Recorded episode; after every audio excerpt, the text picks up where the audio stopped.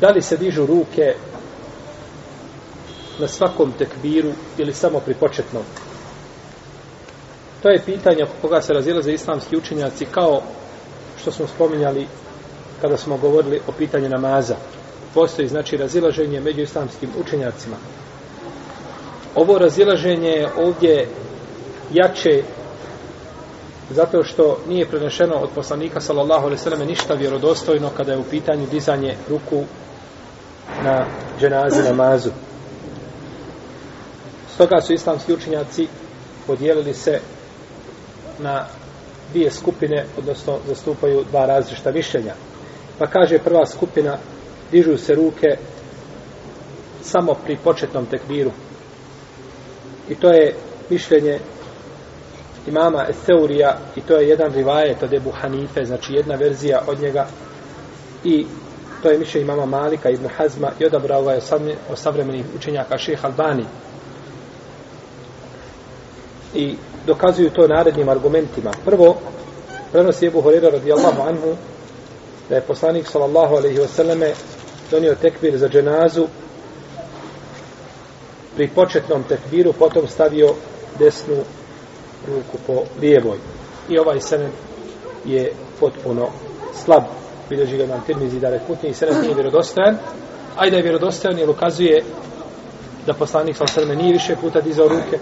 Ne ukazuje. Ne ukazuje. On ukazuje da su ruke dignute pri početnom tekbiru. No, međutim, imamo drugi hadis od Ibn Abbasa, da je poslanik sa osrme digao ruke pri početnom tekbiru dženaze i nije nakon toga više dizao.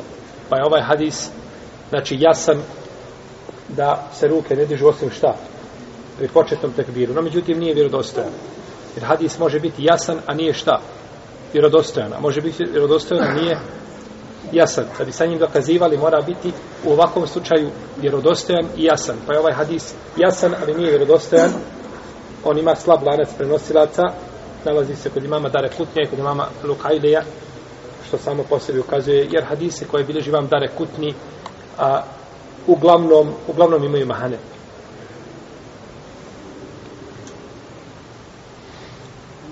I kažu ovi učenjaci islamski pravnici složu da se diže pri početnom tekbiru. Znači nema razilaženja da se pri početnom tekbiru, kada počinje dženaza, prvom tekbiru, je da se šta dižu ruke. No, međutim, razilaze se da se dižu nakon toga. Pa kažu, budući da se razilaze, a nije prenešeno od poslanika, sallallahu alaihi sallame, ništa vjerodostojno, nećemo dizati ruke i kažem to je mišljenje odebrao šejh Albani od savremenih učenjaka.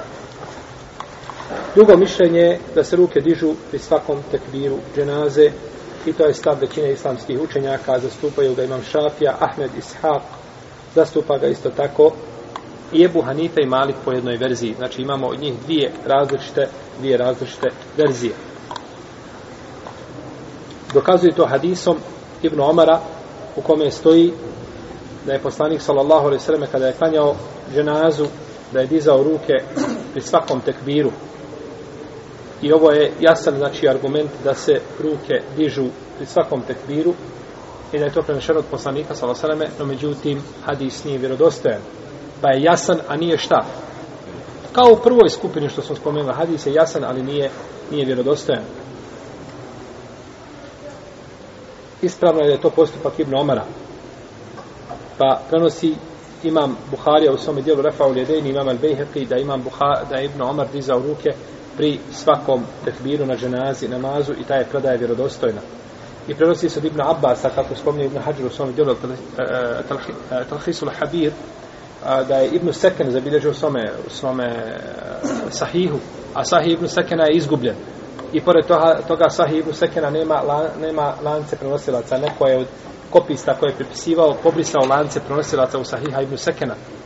I čuo sam od jednog šeha da ima jedna verzija u Minhenu, gore negdje, da se čuva kao manuskript. Pokušao sam da tražim, no međutim nismo uspjeli naći.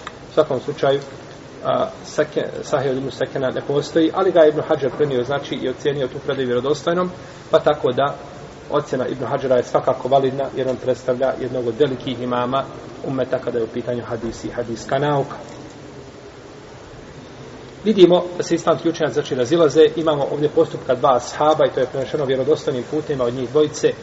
Nema od poslanika sa osaname jasnog i vjerodostojnog argumenta, pa je ovo pitanje, znači, kao i druga pitanja koja ulaze u dozvoljena razilaženja kod ehlu suneta ol džemata. Neće se osuditi onaj ko, ko diže ruke, niti će biti osuđen onaj ko ne diže ruke na dženazi.